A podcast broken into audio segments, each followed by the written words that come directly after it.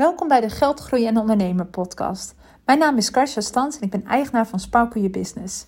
Ik help ondernemers om hun financiën te begrijpen, inzicht te geven en financiële rust te creëren. In deze aflevering gaan we het hebben over hoe je kosten kan besparen. Want wil je meer winst, dan heb je eigenlijk twee knoppen waar je kan draaien: de kostenkant en de omzetkant. Nou, over die omzetkant heb ik het best wel vaak. je kan denken aan meerdere verdienmodellen, prijzen verhogen, aanbod veranderen, meer klanten trekken. Maar ook juist aan die kostenkant is veel te winnen.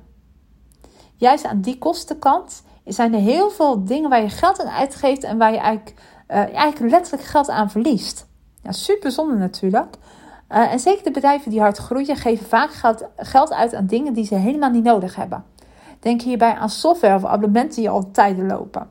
Of aan dingen die onbewust eh, best een grote kostenpost worden. een heel groot voorbeeld hiervan is lunchen buiten de deur met relaties. Ik zie soms bedrijven die eh, zonder te weten gewoon 9000 euro op jaarbasis uh, geld uitgeven aan lunches buiten de deur. Ja, daar kan je natuurlijk sowieso iets mee doen. Nou, hoe kan jij nu snel zien op welke kosten jij kan besparen? Ik geef een 7 stappenplan. En uh, ja, dit kan je wandelend beluisteren, maar ik denk dat het ook heel goed is. Uh, want het is echt een uh, ja, papier met markeerstiften opdracht. Dat je dit ook gewoon goed luistert als je achter, je, gewoon achter een bureau zit. Oh, en uh, voordat ik met het stappenplan begin. Hogere kosten betekent niet automatisch dat je heel slecht bezig bent. Maar daarover later meer. Naast het stappenplan. Oké, ben je er klaar voor? Stap 1. Print een overzicht van je kosten uit. Pak je boekhoudprogramma erbij en kijk bij rapportages. En dan heet het meestal verlies- en winstrekening of resultatenrekening. Dat bedoelen ze hetzelfde mee. En selecteer daar een heel jaar als het mogelijk is, of anders een half jaar. En print deze echt uit. Dus niet online, maar echt gewoon voor je neus op papier. En als het mogelijk is, per maand of per kwartaal. Het is net wat jij prettig vindt. Niet per jaar, maar gewoon per maand en per kwartaal. Of per kwartaal. En pak ook een aantal gekleurde stiften. We gaan echt, ja, ik zei, je moet achter je bureau zitten. We gaan echt aan de slag. Oké, stap 2. We gaan eerst jouw vaste kosten markeren. Nou, wat zijn nou vaste kosten? Dat zijn kosten die je altijd maakt, ongeacht hoeveel winst je maakt. Dus die nodig zijn om je bedrijf draaiende te houden. Denk hierbij bijvoorbeeld aan huisvestingskosten. Ik bedoel, je hebt je pand nodig, of je nu omzet draait of niet. Uh, denk aan je autokosten of aan je telefoon- en internetkosten. Deze kosten heb je gewoon, ongeacht wat voor omzet je draait. Stap 3 uh, eh, is daarna eigenlijk, je pakt een andere kleur en dan markeer je welke kosten je nodig hebt om je winst te kunnen maken. Dus stel dat jij je winst omhoog wilt hebben, hè, of je omzet omhoog, welke kosten maak je dan? Hè, denk bijvoorbeeld hier aan software, dat je bijvoorbeeld een uh, mailprogramma nodig hebt, of dat jij een podcast opneemt en dat je daar een, podcast, een podcastprogramma voor nodig hebt. Of advertentiekosten, dat je heel veel gaat investeren in Facebook ads. Uh, je voorraad als je producten verkoopt. De inhuur van marketingmensen. Uh, dit soort kosten zijn eigenlijk allemaal nodig om jou tot een verkoop te brengen. Hè, om je verkopen te verhogen of überhaupt gewoon in staat te stellen om te kunnen verkopen.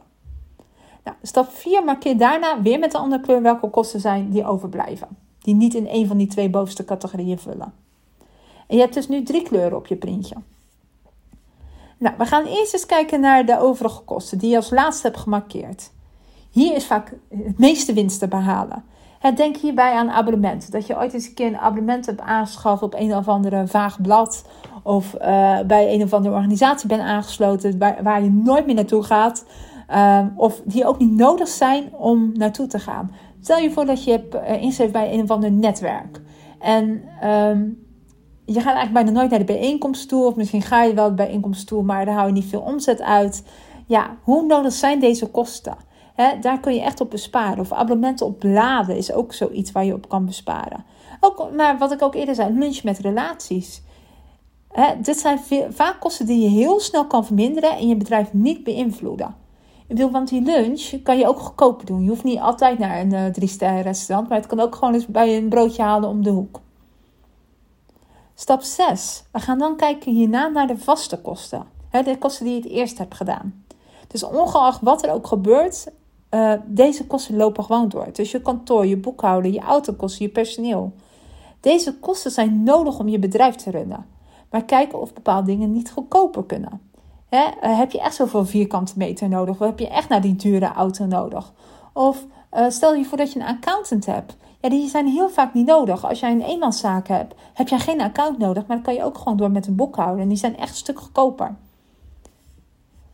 Stap 7, dat is eigenlijk nu de kosten, eigenlijk de middelste die we hebben gedaan. De kosten waarmee jij winst behaalt. Of denkt winst te behalen. En vooral denkt winst te behalen.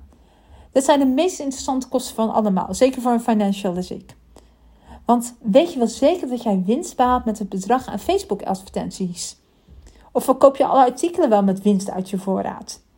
Hierop kan je analyses doen en kijken of de kosten die je maakt wel echt bij jou passen. Of bij jouw business passen. Leveren ze geld op? En maak je analyses van. Uh, zeker met Facebook ads, als je dit via een bureau doet, die kunnen dat voor je uitrekenen. Um, maar hetzelfde ook geldt bijvoorbeeld van inzet van een VA of een uh, marketing. Levert die nou echt wel geld op? Of is het vooral even gemakkelijkheid voor jou dat jij je mails niet hoeft te beantwoorden? Maar levert het ook echt rendement op? Dus dat is een, denk ik ook, uh, het is een hele interessante uh, ja, categorie van kosten. Waar je heel scherp op moet zijn. Je ziet namelijk ook heel vaak dat bijvoorbeeld mensen heel vaak uh, Facebook ads hebben gedaan. Hè, jarenlang die strategie. En dat het dan ineens niet meer loopt. Bijvoorbeeld de iOS 14. Ik ken een stuk of tien mensen voor die daar problemen mee hebben op dit moment. Uh, dan is het natuurlijk super interessant om te kijken van...